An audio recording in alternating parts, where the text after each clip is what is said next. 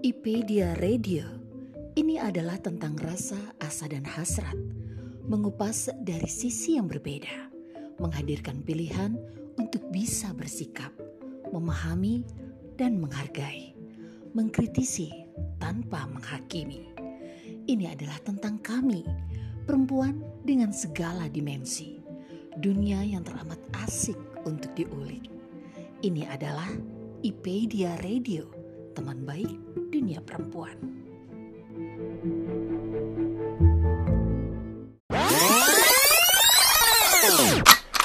Waduh, pertanyaannya ini dalam banget. Ya terakhir itu pas pas dia pasang ventilator nih itu terakhir. Kalau saya sih suka nulis itu sebenarnya sejak kecil. Uh, saya mau order buat ulang tahun uh, ibunda Bapak Jokowi Februari yang kemarin itu. Itu juga yang dibilang sama ibuku. Hanya orang-orang terpilih yang bisa menjadi suami MS. Serius waktu di Rusia berarti tas-tas itu? Iya, betul. Kok Bu Mauri nekat-nekatnya sih bikin komunitas? Mereka berbagi tentang dirinya, tentang dunianya. Perempuan-perempuan keren yang penuh inspirasi. Ikuti obrolan seru mereka hanya di Kata Hati, IPedia Radio, teman baik dunia perempuan.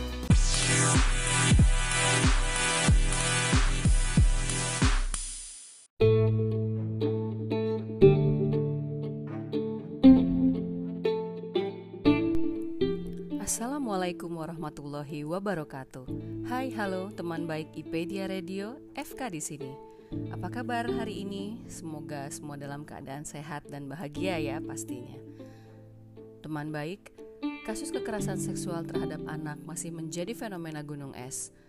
Kekerasan seksual terhadap anak akan berdampak panjang, di samping berdampak pada masalah kesehatan di kemudian hari, juga berkaitan dengan trauma yang berkepanjangan, bahkan hingga mereka dewasa. Bila tidak ditangani dengan serius, kekerasan seksual terhadap anak dapat menimbulkan dampak sosial yang luas di masyarakat.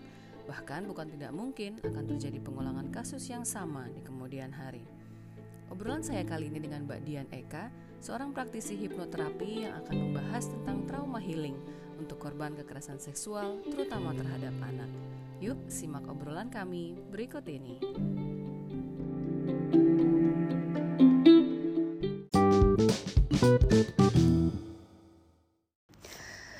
Assalamualaikum warahmatullahi wabarakatuh. Selamat pagi teman baik semua. Wah, pagi-pagi eh, hari Senin mulai seperti biasa ya.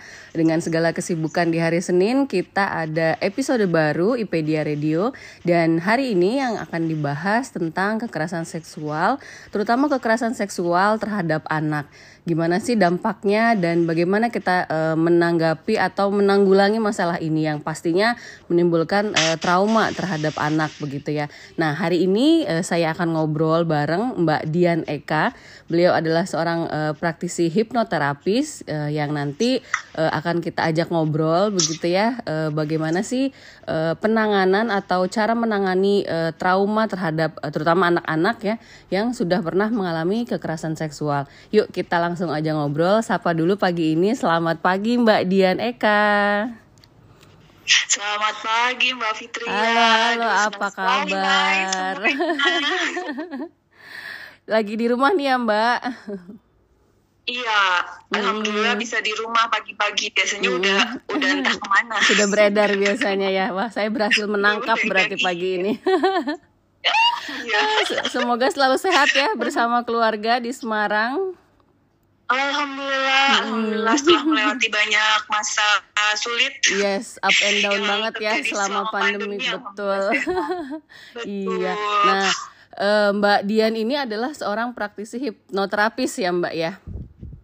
Betul, betul mm -hmm. sekali. Uh, Alhamdulillah. Iya, nah ini kebetulan yang mau kita bahas adalah tentang kekerasan seksual, terutama terhadap anak gitu ya.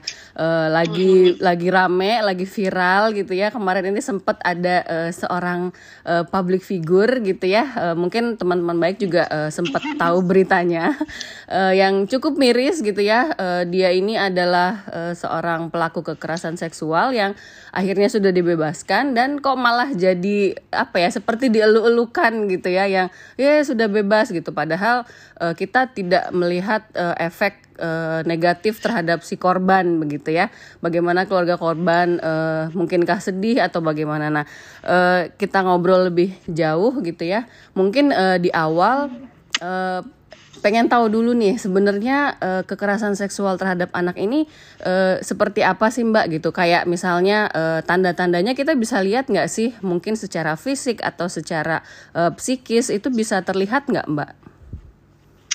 Oke, okay uh, tadi sempat disinggung si abang itu tadi mm -hmm. emang sangat sangat miris gitu mm -hmm. mungkin melukai banyak orang Betul. jelas itu mm -hmm. melukai banyak orang yang kenapa juga gitu kayak di di uh, tidak sekedar dielu-elukan gitu mm -hmm. macam pahlawan aja gitu berkalung-kalung bunga gitu iya kayak kayak gitu. pemenang olimpiade emang, gitu kesannya ya iya udah udah berasa kayak gitu gitu mm -hmm. ya ampun ya itu memang sesuatu yang uh, melukai banyak orang dan alhamdulillah ketika petisi itu sudah uh, ini sekedar sekedar informasi aja mm -hmm. petisinya ketika sudah semakin banyak orang-orang mendukung uh, akhirnya sepertinya mm -hmm. mudah-mudahan sih KPI juga punya niat baik untuk mm-hmm. tidak mhm. membuat buka itu makin uh, dalam gitu. Betul betul. Nah, itu aja deh. Mm-hmm. Nanti mhm. panjang kalau kita ngomong yeah, gitu. Yeah.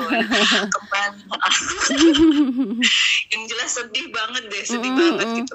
Uh, tadi uh, pertanyaannya tentang uh, tanda-tanda uh, fisik gitu ya atau tanda, mm-hmm. ya, uh, anak yang mengalami pelecehan seksual atau kekerasan seksual itu jelas uh, uh, apa namanya selain tanda-tanda fisik yang bisa dilihat mm-hmm. uh, apa namanya ada perlukaan di alat-alat vital mm-hmm. apakah itu anus atau uh, uh, atau vagina saya sebut mm-hmm. aja ya mbak ya mm-hmm. uh, bisa jadi uh, bisa jadi karena anak-anak itu di usia 3 sampai sembilan itu kan kadang-kadang masih sulit untuk mengutarakan mm-hmm. nah itu hanya uh, apa ya ada perubahan perilaku yang mendadak gitu mm-hmm. uh, itu memang harus memang harus observasi dan memang tidak bisa uh, dalam sekejap mata langsung oh kamu ini gitu memang mm-hmm. harus ada nanti anak karena anak-anak um, apa ya dia pelakunya biasanya kan orang-orang dekat dan pasti ada mm-hmm. ancaman mm-hmm. nah, biasanya ada ancaman dari orang-orang terdekat pelaku yang pelaku itu gitu jadi uh, biasanya dia akan bungkam dia nggak ngerti hanya menikmati sensasi sensasinya nah orang tua perlu aware terhadap perubahan perilaku uh, ya. Perilaku mm -hmm. ya, per, ya, perubahan perilaku yang sangat mendadak yang biasanya mungkin ceria, mm -hmm. suka cerita, tiba-tiba mm -hmm. dia diem, malu mm -hmm. gitu. Itu yang tanda-tanda psikisnya. Kalau tanda mm -hmm. tanda fisik jelas pasti ya gitu. Mm -hmm. Mungkin di alat-alat uh, di organ vitalnya mungkin terjadi pendarahan kah, mm, ada aduh, luka, ada banget ya. dan seterusnya. Iya, Mbak, gitu. Mm. Sedih banget gitu. Berapa waktu yang lalu uh, beda RW sih gitu. Mm -hmm. Ada pelaku kayak ada pelaku yang tertangkap gitu ya dan ampun. Dan itu iya. biasanya uh, sedihnya lagi itu adalah orang-orang terdekat ya Mbak ya. Karena kan mungkin ya, anaknya ya. jadi lebih percaya untuk kayak misalnya dipegang atau apa. Mungkin kalau sama orang asing kan mereka nggak akan mau gitu kayak misalnya diajak uh, pergi atau ke tempat sepi gitu ya. Nah, ini rata-rata uh, iya. pelakunya adalah orang dekat ya Mbak ya. Iya, pelakunya biasanya memang orang-orang dekat, e, relasi kuasa, relaku, relasi kuasa yang yang sangat-sangat dekat, entah itu paman, entah itu ayah, Aduh. entah itu e, kakak, misalnya kakak kakak tiri gitu. Kalau misalnya ada e, apa, itu adalah hasil pernikahan e, pernikahan kedua, sambung gitu, gitu ya. Pernikahan uh, uh. sambung mm -hmm. gitu. Itu biasanya biasanya yang terjadi seperti itu atau guru guru berenang. Hmm, aduh, beberapa iya, iya, waktu iya. yang lalu tuh ada yang cerita uh, apa namanya, aduh sedih banget saya cerita karena uh, dia, dia penyintas, uh, dia penyintas. Cuma dia uh, pada saat kejadian itu dia di di usia anak-anak gitu guru les Hmm. berenangnya dia gitu Jadi Dan orang yang harus dipercaya ya sama anak-anak malahan ya gitu. betul. Sedih banget dan ini. eh, kayak kayak pengulangan pengulangan kalimat itu menye- Hmm. apa namanya seolah-olah eh, apa ya membuat dia percaya bahwa ini tuh nggak apa-apa ini tuh Hmm, rasa hmm, hmm, sayang nah ini yang yang kadang-kadang Hmm. perlu banget gitu eh, Aduh, apa aduh. bahasa kasih sayang itu diajarkan sejauh mana sih batasannya gitu mm. kan. kalau di fitrah seksualitas kita di ibu profesional sudah sangat eh, sudah sangat paham ya Iya, insya iya, Allah iya. gitu batasan-batasannya itu kayak gitu jadi eh, dia bilang gitu aku nggak tahu aku kira itu biasa aja Hmm, kayak kayak mungkin kayak orang tua gitu ya menyayangi anaknya Iya, gitu. eh, aku Mm. kira karena itu kayak ayahku Mm, ya, kayak mm, gitu mm, mm. tapi kok lama-lama dari mulai eh, leher turun ke bawah ke dada mm, mm. kemudian ke organ vital dan Mm, itu dilakukan di eh, apa namanya pada saat ekstra pada saat belajar berenang Mm, itu sedih ya banget kan ampun. Mm, umum mm, mm, traumanya mm. kayak gimana gitu Iya, iya, sampai iya, iya. gede sampai SMP dia belum tahu kemudian SMA dia baru mencari tahu dan itu Ternyata seharusnya sekarang. tidak dilakukan begitu ya. Nah, betul aduh betul ini agak speechless ya dengernya. Eh, aduh benar-benar yang dan ini memang kejadian ya maksudnya dalam artian eh, it can happen ke siapa pun gitu loh. Maksudnya mungkin Yes. selama ini kita masih belum tahu eh, kasus eh, orang terdekat kita yang kena ya. Nauzubillah jangan sampai eh, kena gitu. Tapi it really can happen to anyone gitu bener-bener yang ini. Kalau kita sama apa ya nggak menanamkan sama anak-anak kayak nggak boleh dipegang sama orang lain selain ayah ibu gitu misalnya ya.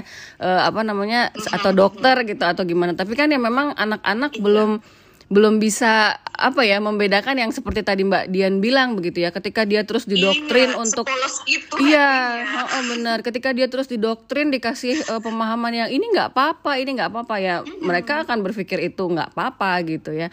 Nah dari situ Mbak, eh, ini eh, efeknya pasti kan luar biasa gitu ya, Eh, dan sangat eh, jarang eh, korban kekerasan seksual ini sampai lapor ke polisi biasanya ya, karena eh, mereka malu gitu, keluarganya cenderung menutupi eh, dan beranggapan bahwa ini aib dan sebagainya, dan nggak jarang yang akhirnya eh, kayak damai aja gitu. Maksudnya udah deh daripada rame atau daripada akhirnya keluarganya malu eh, akhirnya damai aja. Padahal ada efek trauma kan ya pasti di baliknya Iya. nah itu gimana mbak mbak Dian Uh, uh, kalau untuk uh, untuk trauma pasti pasti Mm-mm, uh, akan ada trauma gitu. Apalagi kalau misalnya ya namanya juga kekerasan kan pasti ada paksaan gitu kan gitu. mm-mm.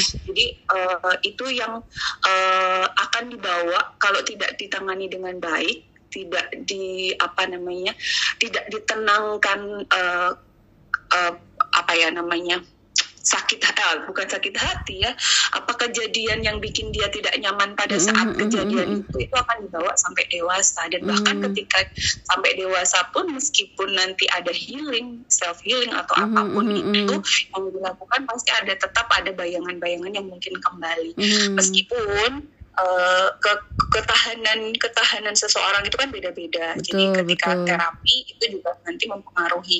Tapi ketika ketika ada kejadian pada anak eh, kemudian diatasi, ditangani dengan cepat, segera dan eh, continue Mhm, itu mhm. insya Allah itu akan mengantarkan pada eh, apa manusia dewasa pada tahapan manusia dewasa yang sudah Hmm. kembali insya Allah kembali biasa ketika Hmm. itu lembaran itu teringat dia sudah bisa kayak meregulasi emosi Hmm. sama eh, apa namanya luka-luka di masa lalu Iya, iya, iya. mm-mm. Nah, yang ditakutkan kan gitu. Mm, yang ditakutkan kan kalau nggak selesai begitu ya. Kadang-kadang orang tua Iya. menganggap bahwa oh udah nih udah udah lama nih kejadiannya, udah cuekin aja kayak misalnya begitu ya. Anggaplah berlalu. Iya. Nah, yang ditakutkan adalah kejadian ini berulang dalam artian yang tadinya dia adalah Iya. korban, dia akan menjadi pelaku Pelaku. gitu ya, Mbak ya. iya itu lingkaran setan banget memang benar Mm, Mbak mm, Fit. mm, mm. Heeh, jadi memang memang seperti itu nanti kalau tidak di- diatasi pada saat biasanya kan anak-anak yang terpapar itu eh, menjadi korban itu kan sekitar umur-umur ya dua tiga ya sekarang Hmm. lebih jauh lebih lebih lebih muda lagi Iya, malah iya, anak iya, muda ya mencari. ampun. heeh. tapi biasanya eh, yang biasa biasa kena itu kan ketika seks appeal-nya sudah mulai eh, eh, terlihat itu kan ya 3 Hmm. sampai 9 lah rata-rata Mm, yang usia-usia SD korban gitu ya, awal-awal gitu. SD. Mm, mm, mm, mm. Heeh. ketika memang sudah sudah jelas sudah pasti memang dia menjadi korban segera aja eh, sebenarnya ini ini lebih ke, kehimbauan kepada orang tua jadi gak usah malu sih memang harus ada yang eh, mendorong untuk mendampingi atau Mm, mencari mm, mm, mm. pendamping kalau memang tidak tidak mempunyai kualifikasi eh, apa namanya eh, dicarikan seseorang yang bisa mendampingi karena apa Mhm. Kalau pas anak-anak pada usia-usia itu mendapatkan terapi, Mhm. ditenangkan psikisnya, psikologisnya, itu akan jauh lebih cepat pulih gitu. Mhm. Karena anak-anak dunianya iya, iya. anak-anak itu kan imajinatif ya gitu. Betul, Jadi betul. eh, nanti pendekatannya, pendekatannya pun akan jauh lebih eh, apa? Eh, lebih bervariasi dan Mhm. uh, panjang durasinya itu uh, bisa uh, bisa kita uh, kita ketahui gitu. Beda lagi kalau uh, kalau udah dewasa gitu Mhm, mhm. bisa. Cuman kan ketebalannya yang tersimpan di alam bawah sadar Ya, nah, ya, ya, ya. itu Mm, mm, mm. Ya, ya. Nah, ini sudah mulai masuk nih ke beda. Ya, sudah mulai masuk ke bagaimana cara penanganan nih ya, Mbak ya. Tadi mungkin kalau eh, sempat di- Yes. disampaikan kalau eh, apa namanya sebaiknya memang tetap melapor begitu ya. Ada ada apa Yes. kasus hukum yang berjalan karena se- sebenarnya untuk mengulang apa untuk menghentikan pengulangan begitu. Jangan sampai si pelaku ini ngerasa oh nggak akan lapor nih karena pasti akan malu.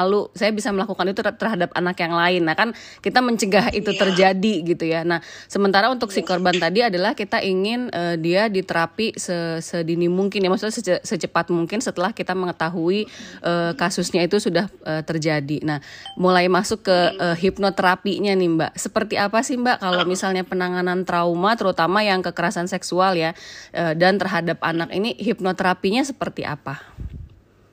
Oke, Eh, sebenarnya kalau misalnya di di psikologi atau di pendekatan di apa namanya trauma healing itu memang banyak pendekatan yang bisa dilakukan. Salah satunya memang hipnoterapi yang saya pelajari saat ini. Mm, mm, mm. Nah, kalau di hipnoterapi itu eh, teknisnya tata caranya sih sebenarnya bisa bisa sama dengan orang dewasa bisa beda tapi Mm-mm. biasanya untuk anak-anak itu menggunakan eh, ada dua sih ada dua jadi yang pertama bisa langsung kepada anaknya Mm-mm. kepada anaknya dengan menggunakan cerita dongeng atau eh, nilai-nilai yang mem- apa ya cerita-cerita yang membangun dengan nilai-nilai Hmm.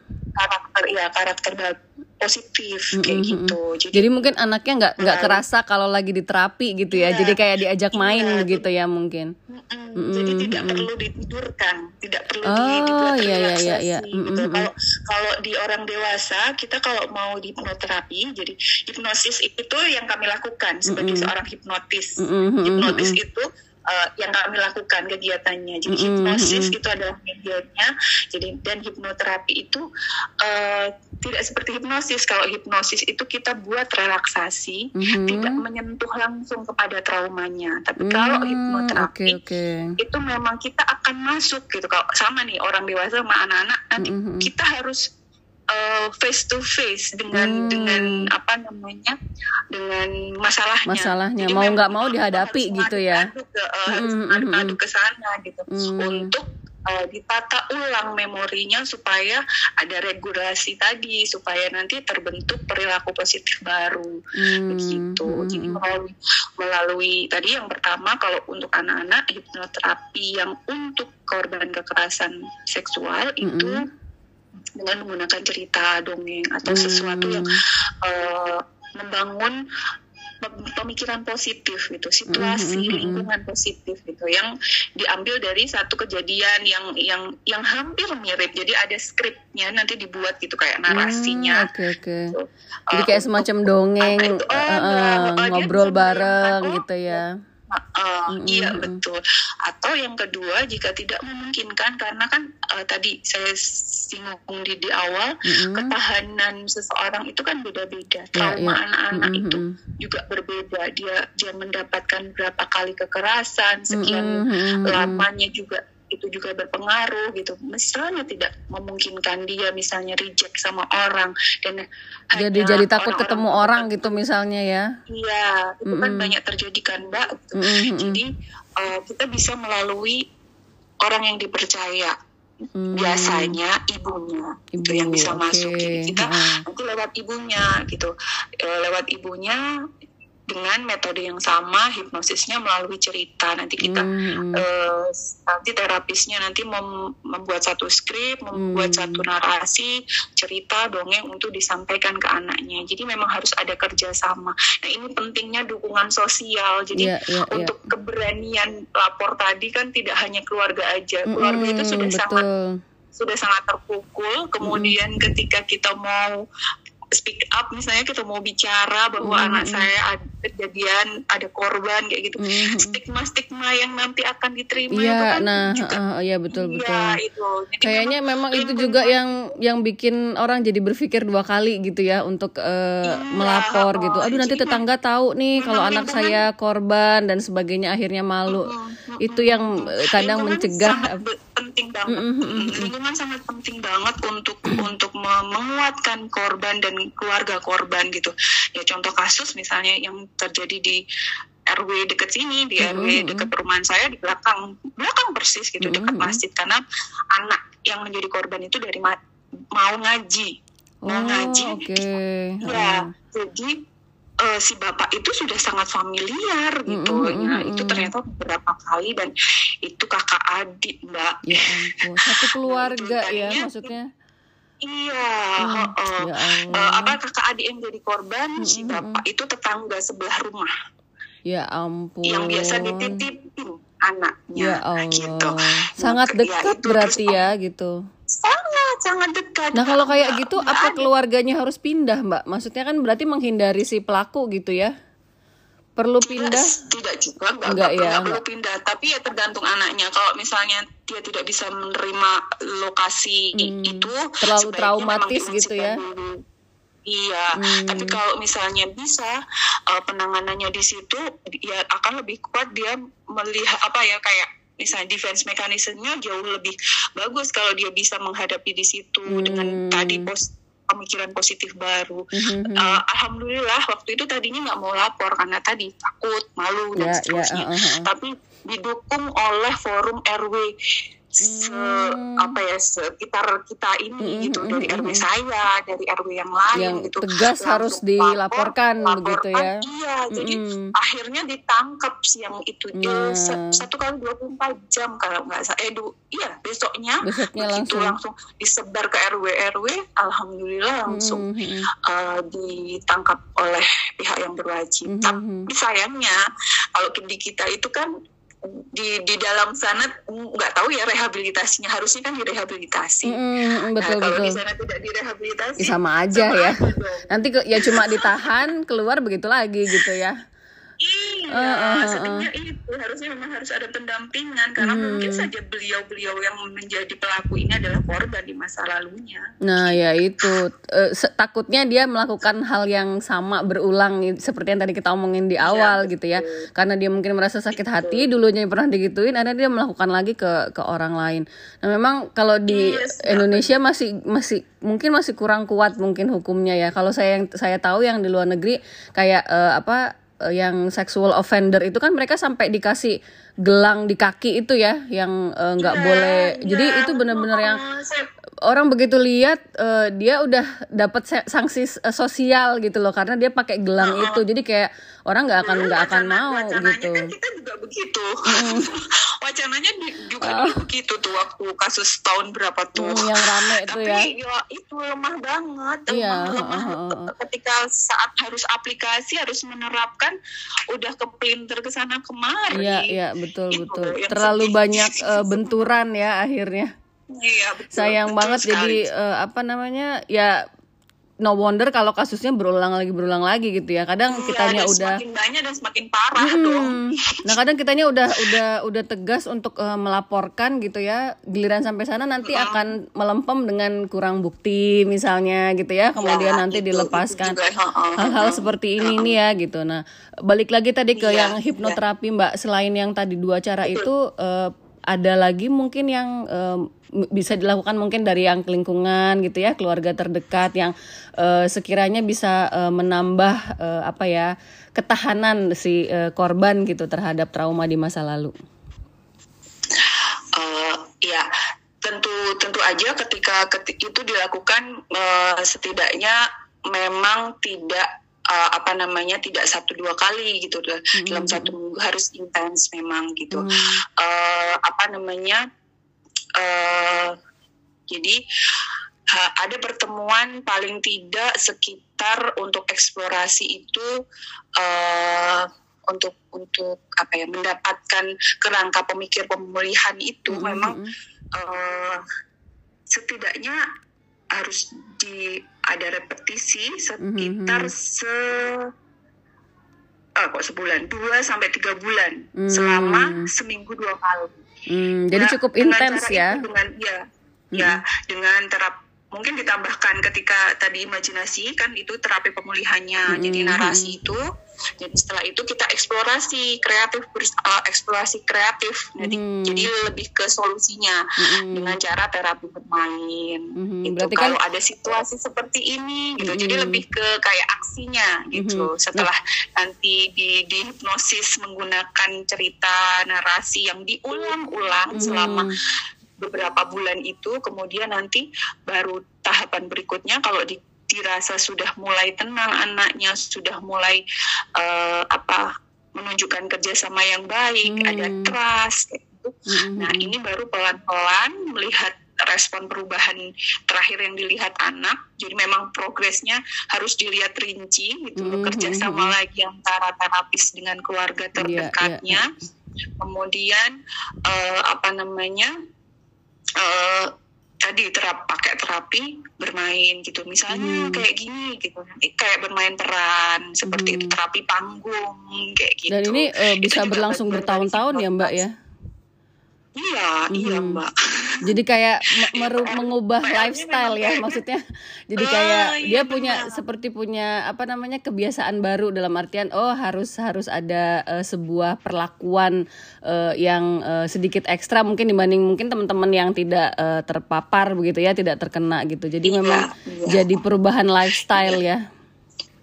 Iya betul. Mm-hmm. Jadi memang tadi kalau secara reguler memang 2 sampai tiga bulan gitu repetisi dengan tadi cerita, mm-hmm. kemudian intens eh, healingnya uh, dulu ya, mungkin healingnya dulu ya kalau yang di awal-awal ya, itu kemudian, mengobati. Mm-hmm. Kemudian uh, sambil di, dilihat, kemudian kalau misalnya anak tersebut sudah bisa melakukan aktivitas sehari-hari dengan cukup normal, bisa mm. tidak tidak merasa sendirian, tidak merasa berbeda kan iya, biasanya yeah, seperti itu anak-anak mm -hmm. korban uh, pelecehan ya atau kekerasan itu kan biasanya dia akan menyendiri gitu mm. merasa merasa ada, malu ada apa ya merasa iya merasa dirinya sudah tidak seperti teman-temannya mungkin begitu ya iya hmm. iya ya, apalagi kalau uh, lingkungannya kemudian uh, dia mendengar mendengar mungkin akan anak-anak suka guyon gitu hmm. begitu hmm, hmm, hmm. begitu dengar ada kasus dia mendengar orang orang dewasa bicara tentang apa kemudian ketika dia berusaha untuk mau main ternyata dia oh kamu tuh yang korban ya, kekerasan nah itu juga kamu tuh yang dilecehkan ya, nah ya, itu ya, kan ya. kalau Nah, itu yang harus juga lingkungan sangat-sangat berpengaruh ya. Jadi uh, ya tetangga-tetangga ini juga mesti agak ngerem gitu dalam artian kalau lagi mau uh, membicarakan atau apa harus lihat-lihat dulu begitu ya.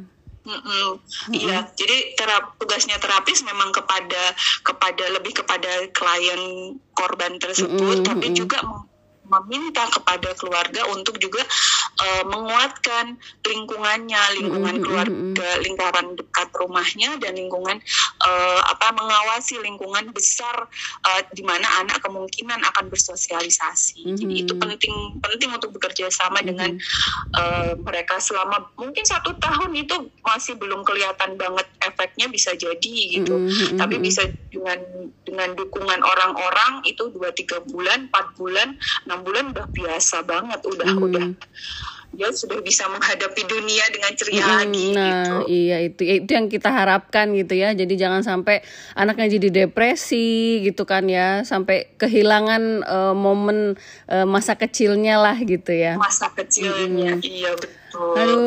Karena kalau misalnya kehilangan itu Mbak, itu nanti anak-anak akan tumbuh menjadi eh, orang yang tertutup dan sulit membangun relasi yang positif mm, mm. sama orang lain. Iya, Itu iya. pasti. Karena Atau kehilangan masa kecil itu ya. laki-laki dia eh, sensasi-sensasi yang mungkin tertinggal dalam dirinya eh, itu akan dicari secara nggak sadar dicari Mm, untuk mm, mm, mm. yaitu entah itu akibat kemarahan atau karena sensasi kenikmatan yang dia cari yang tertinggal dan belum selesai gitu. Mhm. Ya kayak anak-anak anak-anak kecil yang jarang main ketika kecil dia akan main ketika dewasa gitu ya katanya. Ya, akan menagih betul. waktu bermainnya begitu. Mungkin kurang lebih akan sama ya ketika Iya, mereka kurang menghadapi seperti, itu. itu. Ya ya. oh. Oh. Manusia kan mencari kepuasan. Betul, betul. Eh, salah satu salah satu fitrahnya adalah mencari kepuasan dan Mhm. kepuasan itu kan eh, apa ya akan akan dicari dan uh, akan meningkat gitu kan Betul, seolah-olah itu akan jadi tujuan. Iya. Dan begitu juga misalnya eh, kalau misalnya normal dia akan mencari kepuasan yang yang bagus yang positif Mhm. tapi kalau misalnya kepuasan itu dilukai dengan kejadian-kejadian trauma itu bisa dibayangkan Mhm, apa yang dicari dan menjadi tujuan secara nggak sadar kan mbak Mm-mm. Nah, dengan hipnoterapis ini diharapkan bisa mengembalikan begitu ya, Mbak ya. Hal-hal yang Iya, tadinya negatif itu supaya motivasinya terus eh, menjadi positif begitu ya. Nah, Mbak Iya. Dian, aduh pengennya sih ngobrol seharian ini.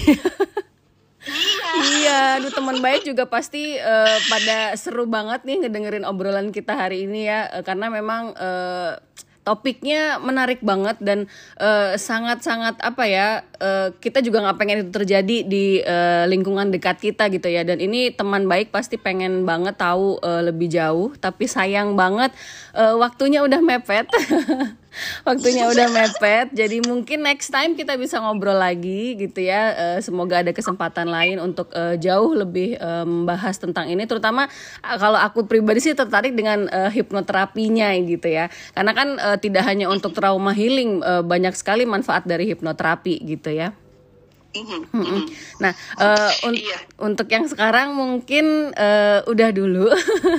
Sayang banget sebenarnya masih pengen banyak ngobrol ya. Cuma eh, next time kita sambung lagi. Eh, terima kasih banget Mbak Dian untuk waktunya pagi ini sudah eh, meluangkan waktu sebelum menghabiskan waktu bersama keluarga. Makasih banget ya.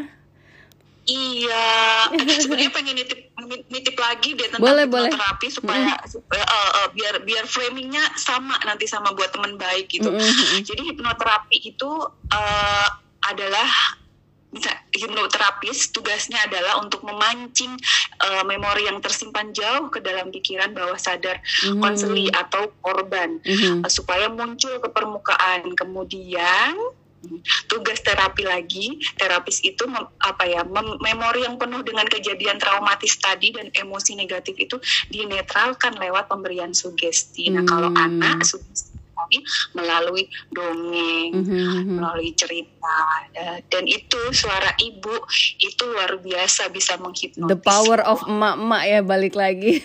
Iya, udah itu Wah, luar biasa. itu. Iya, wah ini closing statementnya juga udah oke banget nih. Terima kasih sekali lagi Mbak Dian eh, untuk kesempatan dan waktunya. Kita ketemu lagi next time ya membe- membicarakan tentang Sama-sama. hal lain yang lebih menarik. Terima kasih sekali lagi. Eh, aku tutup dulu ya. Thank you so much. Oke, assalamualaikum warahmatullahi wabarakatuh.